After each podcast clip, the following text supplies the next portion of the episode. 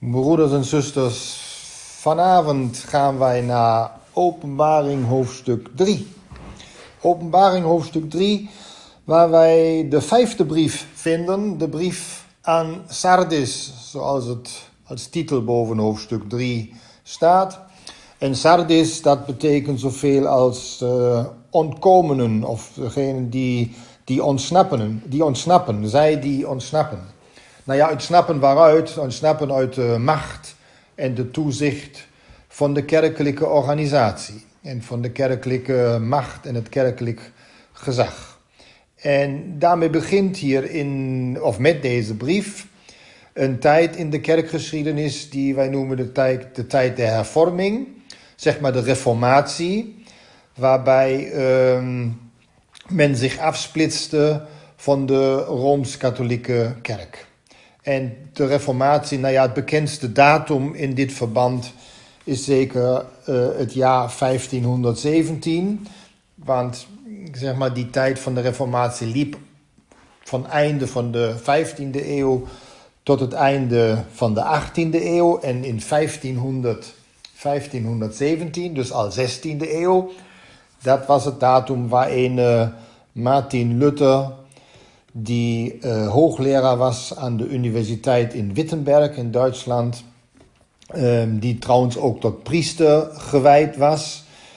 Dat die uh, in, uh, of aan de poort van de slotkerk te Wittenberg 95 thezen heeft gespijkerd. En die degene was die um, de Bijbel onderzocht en die leerde dat men enkel en alleen uit geloof en uit genade had eh, moeten leven in plaats van dat men zeg maar, zijn zonden kon afkopen door aflaatregelingen van de Romeins-Katholieke ehm, kerk. Dus Luther die was trouwens niet de eerste, daar was nog een uh, Johannes Hus, bijna 100 jaar eerder dan Luther, die leefde tussen de, of in de 14e en 15e eeuw een, uh, een Tsjechische reformator, voorloper zeg ik maar, van de reformatie. En Luther was dan de opvolger die dan duidelijk maakte dat nogmaals, dat nogmaals de rechtvaardiging alleen maar gebeurt uit geloof en uit genade.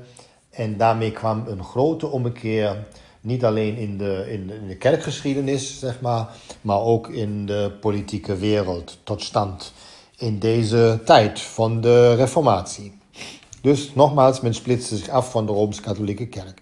En dan lees ik vers 1, uh, eh, waar staat in hoofdstuk 3, vers 1: En schrijf aan de engel der gemeente die te Sardis is: Dit zegt, die de zeven geesten Gods heeft en de zeven sterren. En ik weet uw werken dat gij de naam hebt, dat gij leeft en gij zijt dood. Dus men heeft wel een naam om te leven, maar in feite is men dood. En het gaat hier over diegenen die uitgestapt waren, de Sardis, de onkomenen en de ontsnapten. Degenen die uitgestapt waren, um, die hadden wel de naam om te leven. Maar hier in vers 1 wordt dan meteen duidelijk dat zij, dat ze eigenlijk toch weer dood waren. Want de kerk, de kerk als kerk was nu eenmaal dood. Uh, het was een dood geloof. Dat is een hele harde uitspraak die hier gedaan wordt. Maar ze worden als dood beschouwd beschouwd, ondanks dat ze een naam hadden om levend te zijn, um, omdat zij de werken uh, die zij deden, dat die, of dat die werken die zij deden niet vol waren. Zoals vers 2 dat ook, ook beweert. Zij wakende en, zijt wakende en versterkt het over dat sterven zou, want ik heb uw werken niet volgevonden voor God. De werken waren niet goed genoeg. Ze waren wel met de kerkhervorming begonnen. En dat was ook een goede weg die ze hebben ingeslaan. Maar het ging niet goed door. En het was zo dat het niet ver genoeg was, want binnen de kortste tijd ging het zeer snel weer terug naar eigen werken. En dat betreft hier de, zeg maar, de protestantse kerk in tegenstelling tot de Rooms-Katholieke kerk, dus de reformeerde kerk. Maar nogmaals, de ommekeer was er eerst, maar in een munt van de tijd was men weer bezig met eigen werken om zich te rechtvaardigen en goed te doen. Tot vandaag gaat dat ook zo door, broeders en zusters. Want uh, als ik me vandaag de kerken en de kerkorganisaties, uit welke richting dan ook bekijk, dan is dat complete geloof, ik noem het dan maar eventjes geloof, alhoewel het ja religie is, dit is gericht op aardse zaken. En als ik dan aan Filippenzen hoofdstuk uh, um, 3 denk, in vers 19, dan kan men daar lezen dat, dat het ten verderve is voor degenen die aardse dingen bedenken. Dus, en dat is dus een dood geloof.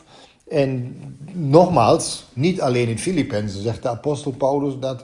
Ik, uh, ik heb even in het hoofd, um, zeg maar, 1 Korinthe hoofdstuk uh, 15, waar de apostel ook zegt: Indien we alleen maar in dit leven, aardse leven, op Christus zijn hopende, dan zijn we de ellendigste van alle mensen en dan is ons geloof te vergeefs. Dus, en in die kant, in die richting ging het na de reformatie van, van Luther, ging het ook relatief snel weer in deze periode waar de brief aan Sardis overgaat. Dus gaan we naar vers 3, waar dan de oproep komt.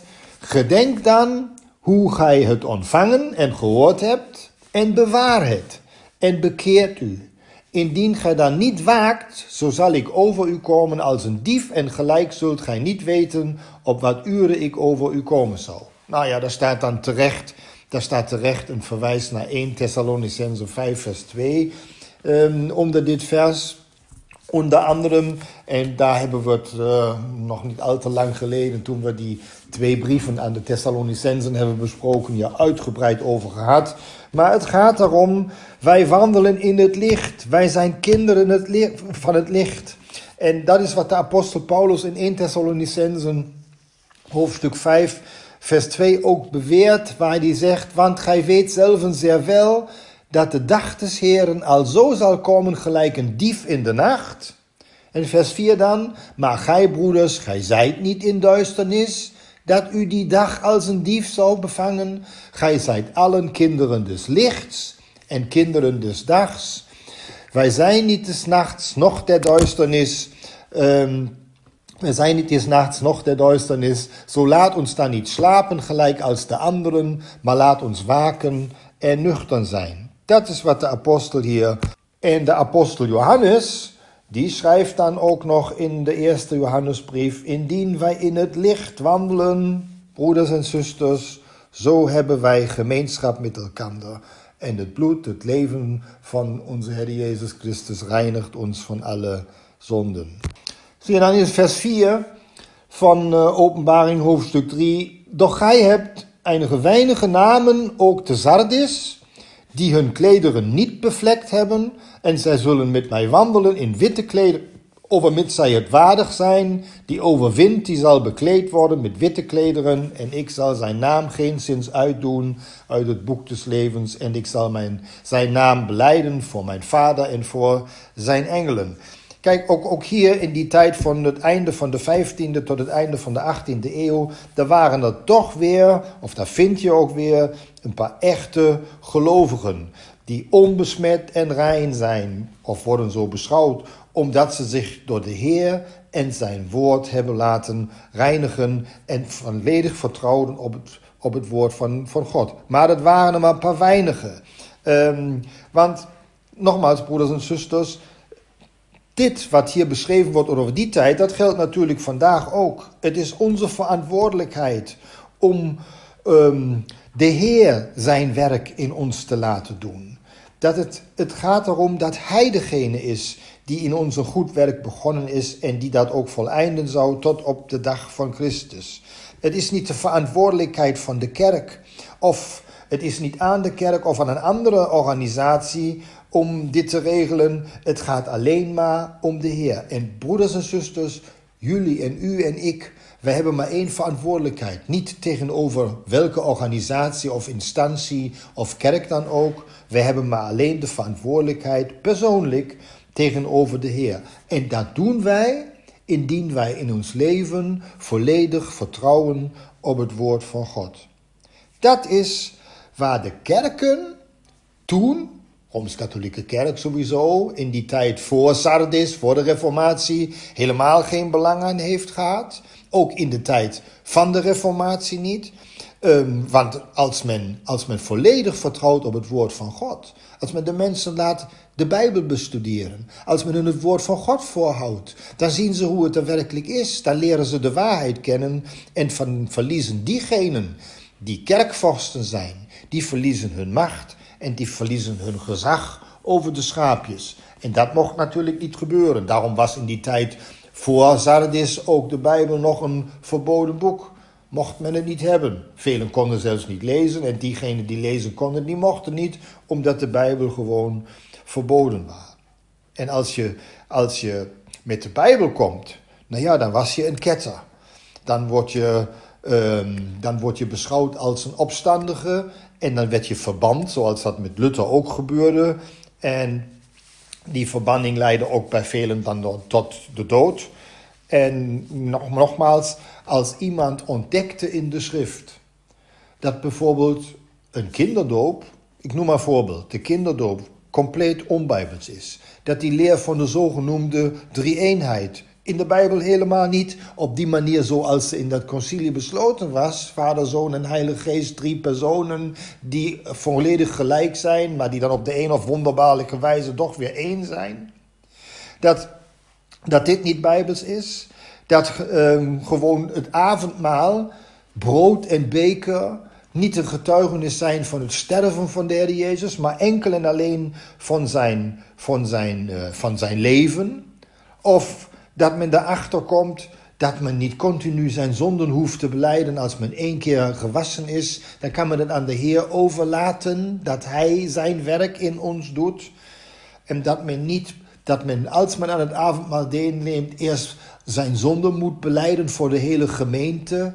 Dat is allemaal onbijbels.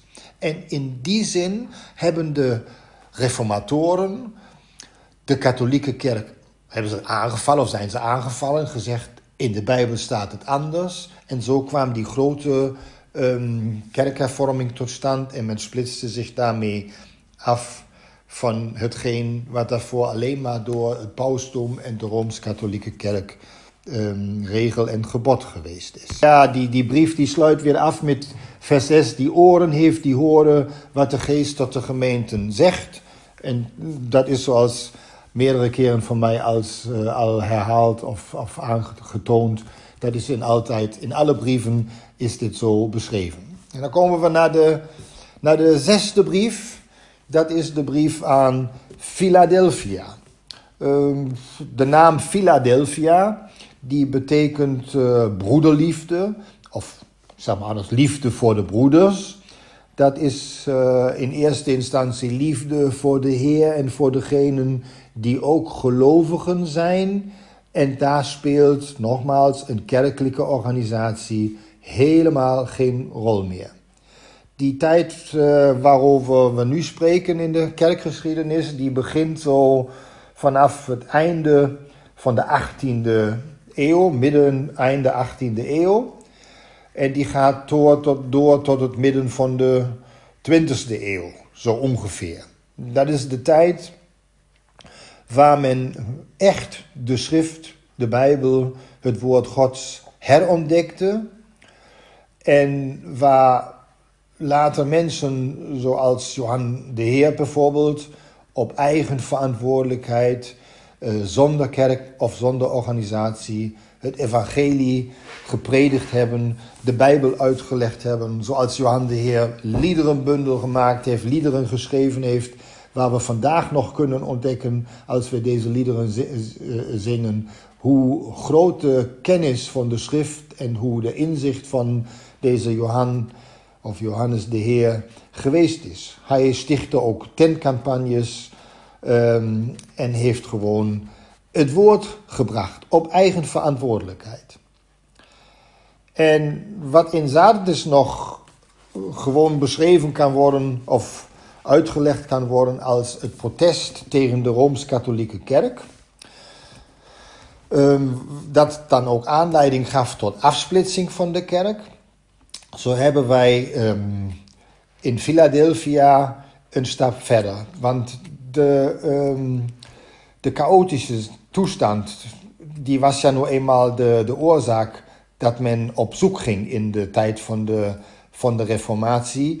Um, die, die chaotische toestand, die waantoestand van de Romeins-katholieke katholieke kerk.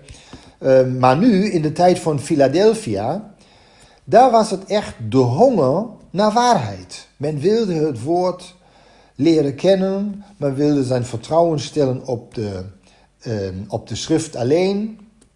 En die enkele gelovigen die daar waren, die hadden echt de behoefte om het woord van God te bestuderen en het dan ook uit te dragen en dat ook te leren.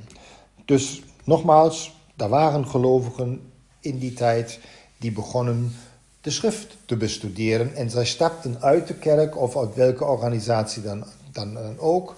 En ze gingen niet meteen een andere kerk stichten of een ander instituut oprichten. Zodat men kon, kan, niet zeggen, nou ja, we hadden eerst de Rooms-Katholieke Kerk, die had het zeggen. Dan uh, kwam de uh, reformatie met de gereformeerde kerk, met de protestantse kerk. Nou ja, nu komen dan gelovigen in die tijd van Philadelphia en die denken dan, uh, we stichten een nieuwe organisatie of we maken een nieuw instituut. Dat was, was niet het geval.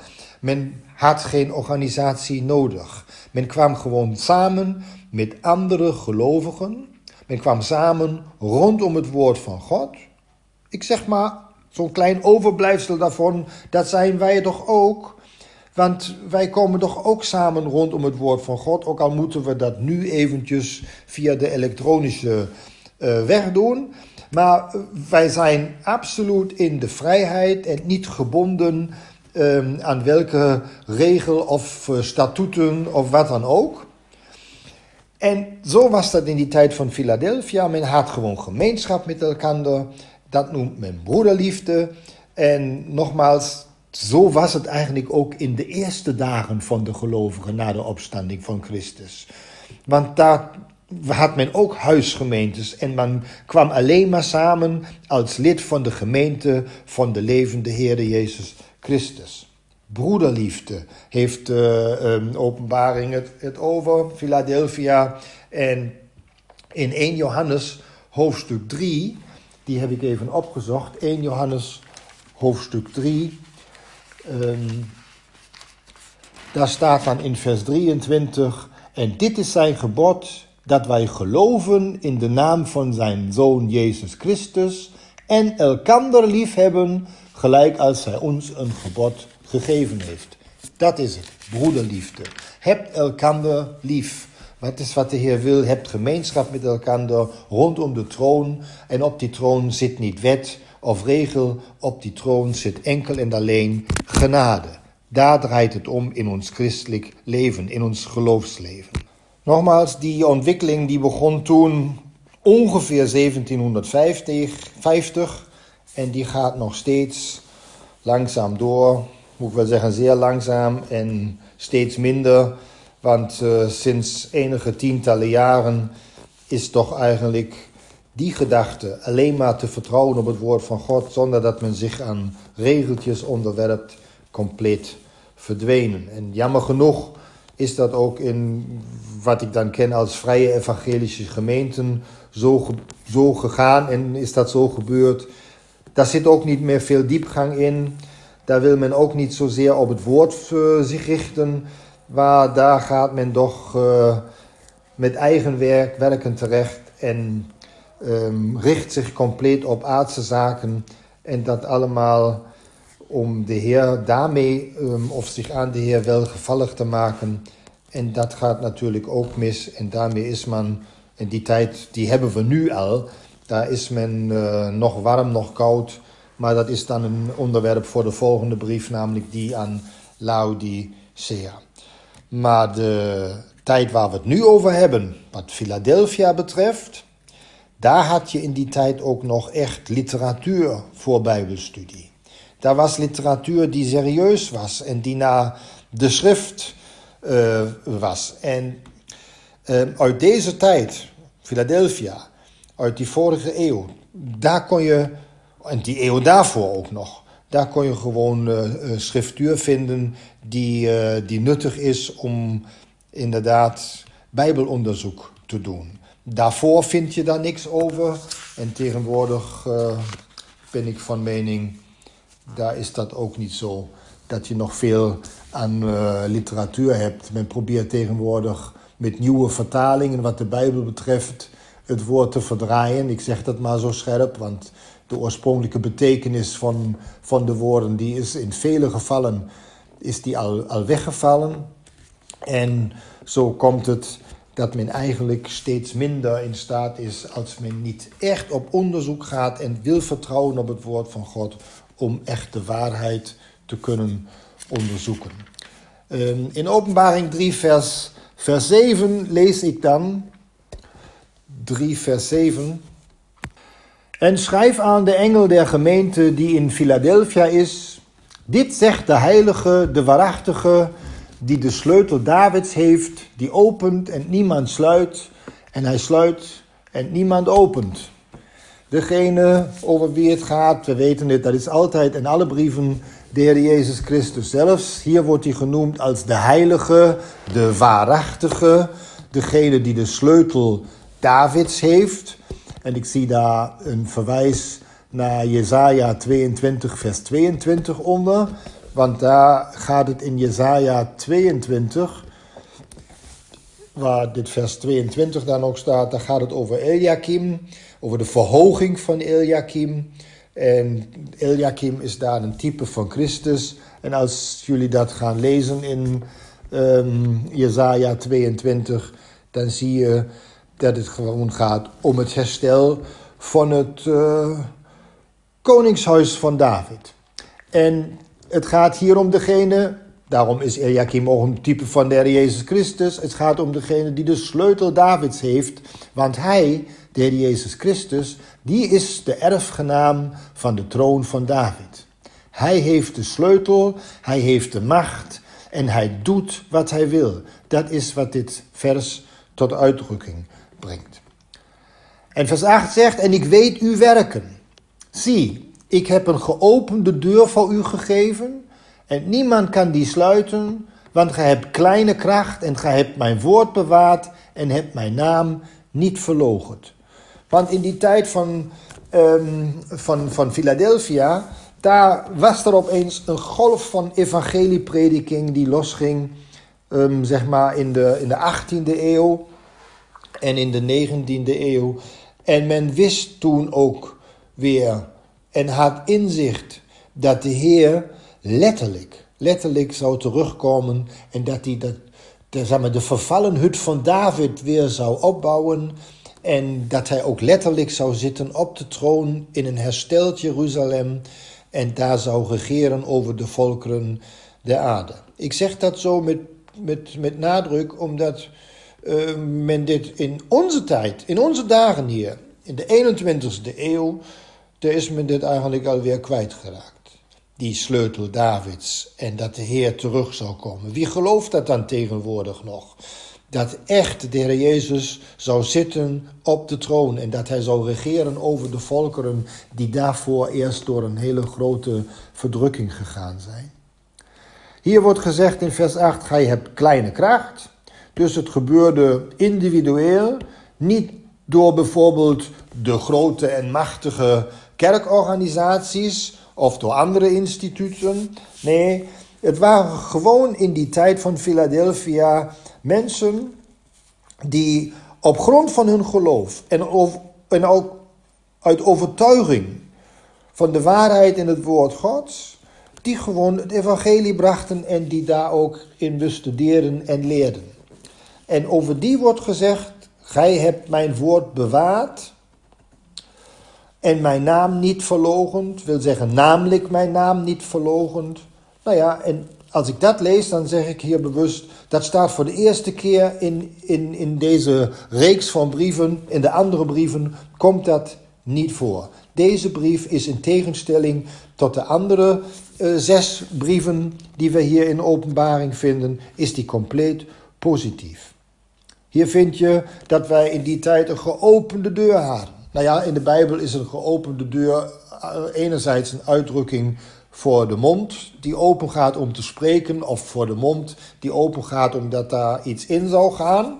Maar het is ook de opening die in die tijd geweest is om alleen maar te vertrouwen op het woord van God. Zich los te maken van het gezag van welke organisatie dan ook. En dat is echt in die tijd ook, ook zo gebeurd. Ik kom nog een keer erop terug dat men inderdaad tegenwoordig, en ik spreek ja soms met anderen die naar de, of met, met mensen die naar kerken gaan. Uh, ik heb ze ook in mijn kenniskring en dan vraag ik daarna, wordt dat überhaupt, wordt dat überhaupt voorgesteld? Wordt daar u over gesproken, over dit onderwerp van uh, als, wij, als wij bidden, uh, uw koninkrijk komen?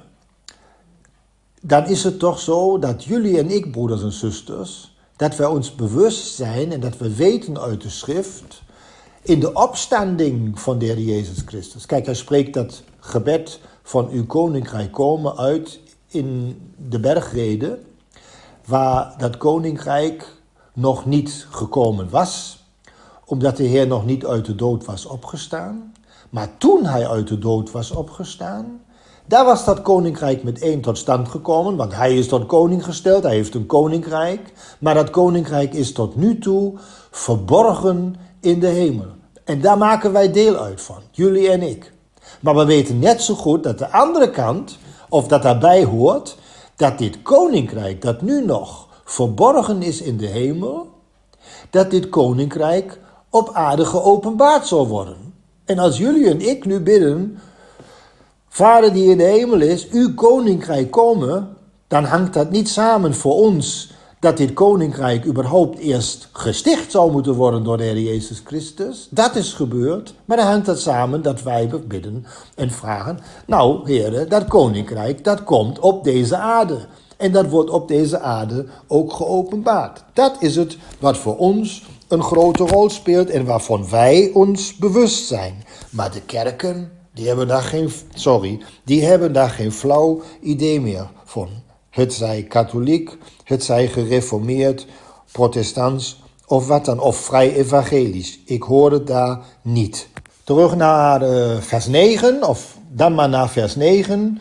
Zie, ik geef u enigen uit de synagoge de Satans, dergenen die zeggen dat zij Joden zijn en zijn het niet, maar liegen. Zie, ik zal maken dat zij zullen komen en aanbidden voor uw voeten en bekennen dat ik u lief heb. En dat uh, vinden we ook al, of dat hadden we al kunnen zien in Openbaring 2, vers 9, waar al gezegd was in die brief aan uh, Smyrna. Ik weet dat uw werken en verdrukking en armoede, doch gij zijt rijk, en de lastering dergenen die zeggen dat zij Joden zijn en zijn het niet, maar zijn een synagoge de Satans. Uh, een zware en scherpe uitdrukking heb ik toen ook al gezegd. Maar in die tijd van Philadelphia, waar het hier over gaat, in openbaring 3 dan, daar was het opeens weer, of daar was opeens weer een officieel Jodendom. Um, en dit werd in de schrift benoemd als synagoge des Satans. Um, het Jodendom kwam weer te sprake omdat in de 20e eeuw, nou ja, na een lange tijd Joden weer een rol speelden in de wereld. In de 20e eeuw werd de staat Israël gesticht. En dan dacht men meteen in de kerken, of dat denkt men ja vandaag ook nog, eh, met name in evangelische kringen, dat men Israël zou moeten steunen en dat men zou bidden voor dat volk enzovoorts. En dat men dan allemaal acties zou moeten voeren, zoals dat ook gebeurt. Met het motto bijvoorbeeld, breng de Joden thuis. En men zegt, als men de Heer wil dienen, dan moet je toch wat voor Israël doen en Israël dienen. Maar broeders en zusters, dit is niet waar. De schrift praat daar anders over. De schrift noemt um, in de tijd waar het Jodendom weer opkwam en waar de staat Israël gesticht wordt, spreekt over een synagoge de Satans. En dat komt omdat het nog steeds een dood lichaam is wat daar ontstaan is. Dit zeg ik zo bewust omdat ik daar verwijs naar Ezekiel hoofdstuk 37, waar geschreven staat dat het land gelijkgesteld wordt aan dan dorre beenderen, doodsbeenderen, waar geen geest en waar nog geen leven in is. En pas als dat volk zich bekeert, en dat is nog in de toekomst, broeders en zusters, dat is nu nog niet het geval, pas als dat volk zich bekeert en weer geest inkomt, dan komt het echt tot leven. Maar zolang dat niet zo is, man leeft uit ehm, de Joodse wet, en man onderwerpt zich alleen maar aan wet en regels en herkent de Heer Jezus Christus niet als de heiland en de Messias, daar is dit een doodgeloof en daar wordt men in de Bijbel beschouwd als een synagoge de Satans. En ik zeg dan bewust terughoudend, in de Bijbel wordt men zo beschouwd, want ik dacht, durf het zelfs eigenlijk niet zo te zeggen als het niet Bijbels was.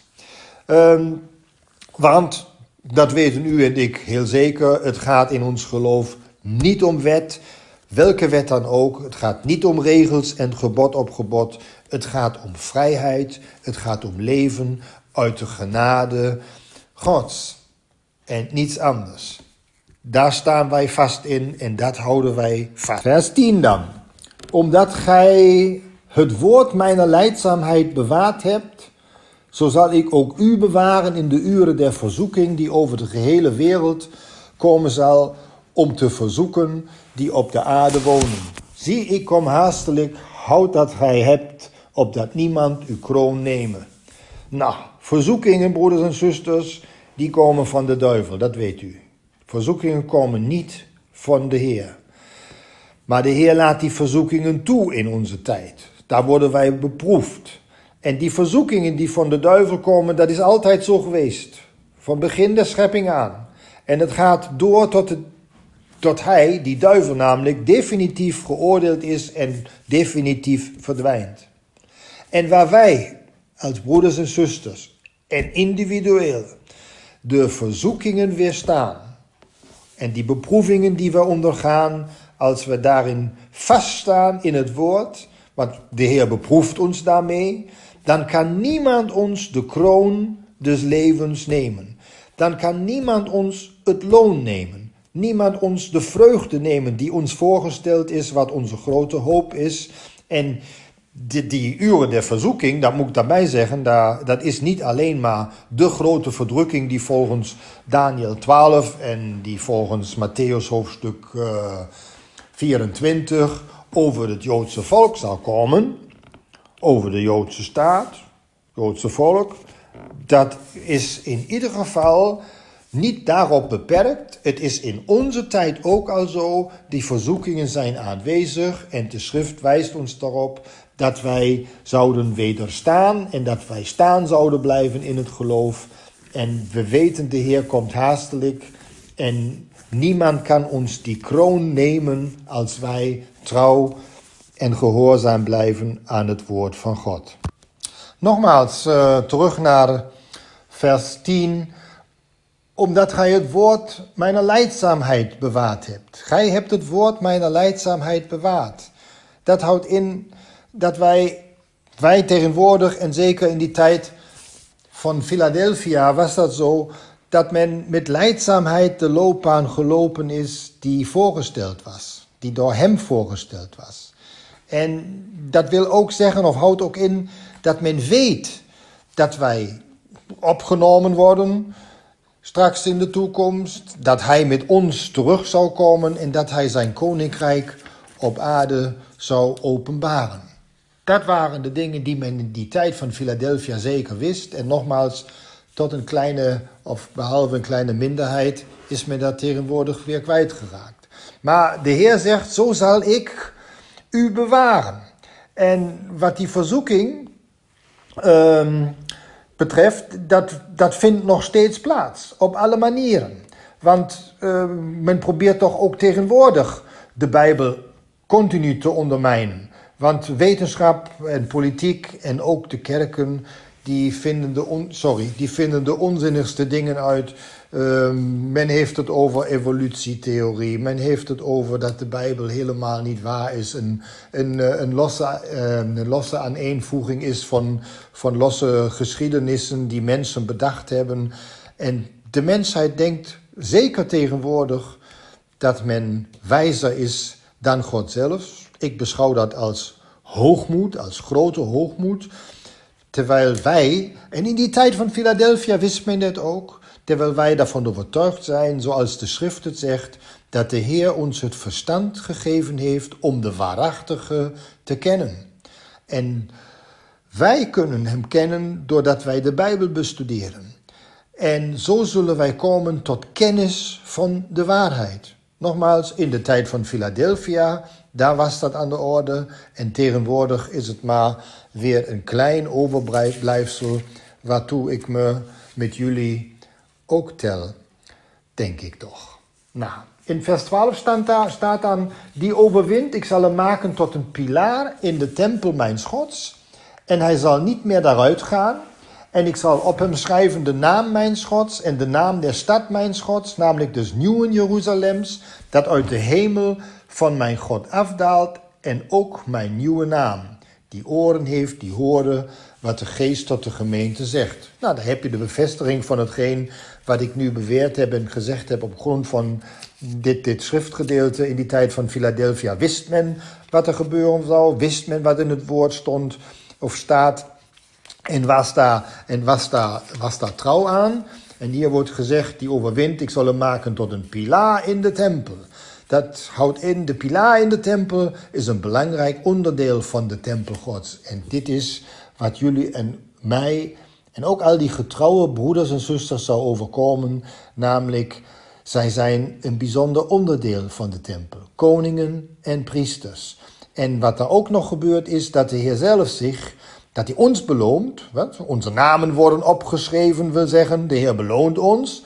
En bovendien, hij identificeert zich ook met ons als een eenheid, als één lichaam, lichaam uh, met hem als het hoofd. En dat is hier wat staat, ik zal op hem schrijven de naam mijn Gods en de naam der stad mijn Gods, namelijk dus Nieuw Jeruzalems, en dat uit de hemel van mijn God afdaalt en ook mijn nieuwe naam. En um, hier staat een verwijzing onder dit vers naar Openbaring 21, vers 2 en vers 10. Want dit wijst ons en gaat ook over het einde van dit boek Openbaring. In 21, die zoeken we even nog snel op. In Openbaring 21, vers 2, schrijft Johannes. En ik, Johannes, zag de heilige stad, het nieuwe Jeruzalem, nederdalende van, de God, eh, van God uit de hemel, toebereid als een bruid die voor haar man versierd is. En dan komt het nog een keer voor in vers 10. En hij voerde mij weg in de geest op een grote hoge berg en hij toonde mij de grote stad, het heilige Jeruzalem, nederdalende uit de hemel van God. Dus de nieuwe schepping, dat is dat nieuwe Jeruzalem, die wordt vanuit de hemel uitgebreid over deze, deze aarde. Nou, dat is wat hier staat en dan komt er in vers 13 weer dezelfde afsluiting als in alle andere brieven hier in openbaring, die oren heeft, die horen wat de geest tot de gemeente zegt.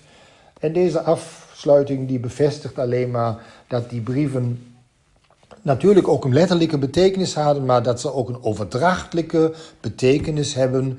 En dat het niet alleen maar gaat om een, letterlijk, letterlijke gemeente in Philadelphia, maar dat het om overdrachtelijk om die kerkgeschiedenis, of die periode in de kerkgeschiedenis gaat, waar dit wat in de inhoud van deze brief staat, dan ook inderdaad um, ja, werkelijk is, is gebeurd. En nogmaals, wij, wij moeten daarbij inderdaad de geschiedenisboeken pakken en die lezen en zien wat daar over de kerkgeschiedenis gezegd wordt. Want wat zich in de wereld afspeelt, ja, daar zwijgt God over en hij geeft ons alleen maar hier in openbaring een overzicht over de verschillende periodes um, vanaf de opstanding van Christus tot aan ja, zeg maar het uh, begin van de, duizend, van de duizend jaren. En daar zijn we mee bezig en daar hebben we nu de zesde brief beschreven en, en gelezen en gaan de volgende keer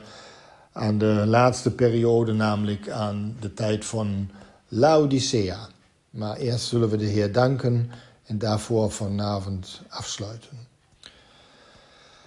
Vader in de hemel, ik wil u dank zeggen. Dank zeggen dat wij dit woord hebben, dat we uw woord hebben. dat dit woord ons opbouwt, ons onderwijst en dat we door uw woord tot kennis der waarheid komen.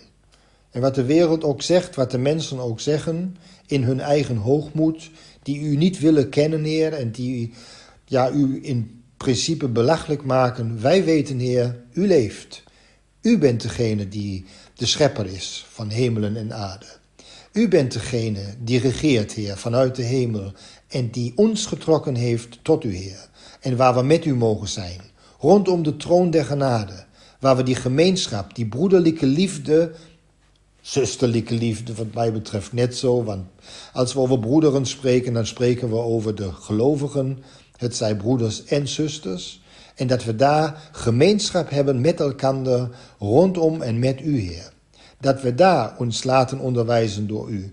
Dat we opgebouwd worden tot een heilige tempel, ja, met u als het hoofd, Heer. En u bent degene die dat werk doet. En wij zijn degene die zitten aan uw voeten en die luisteren naar uw woord.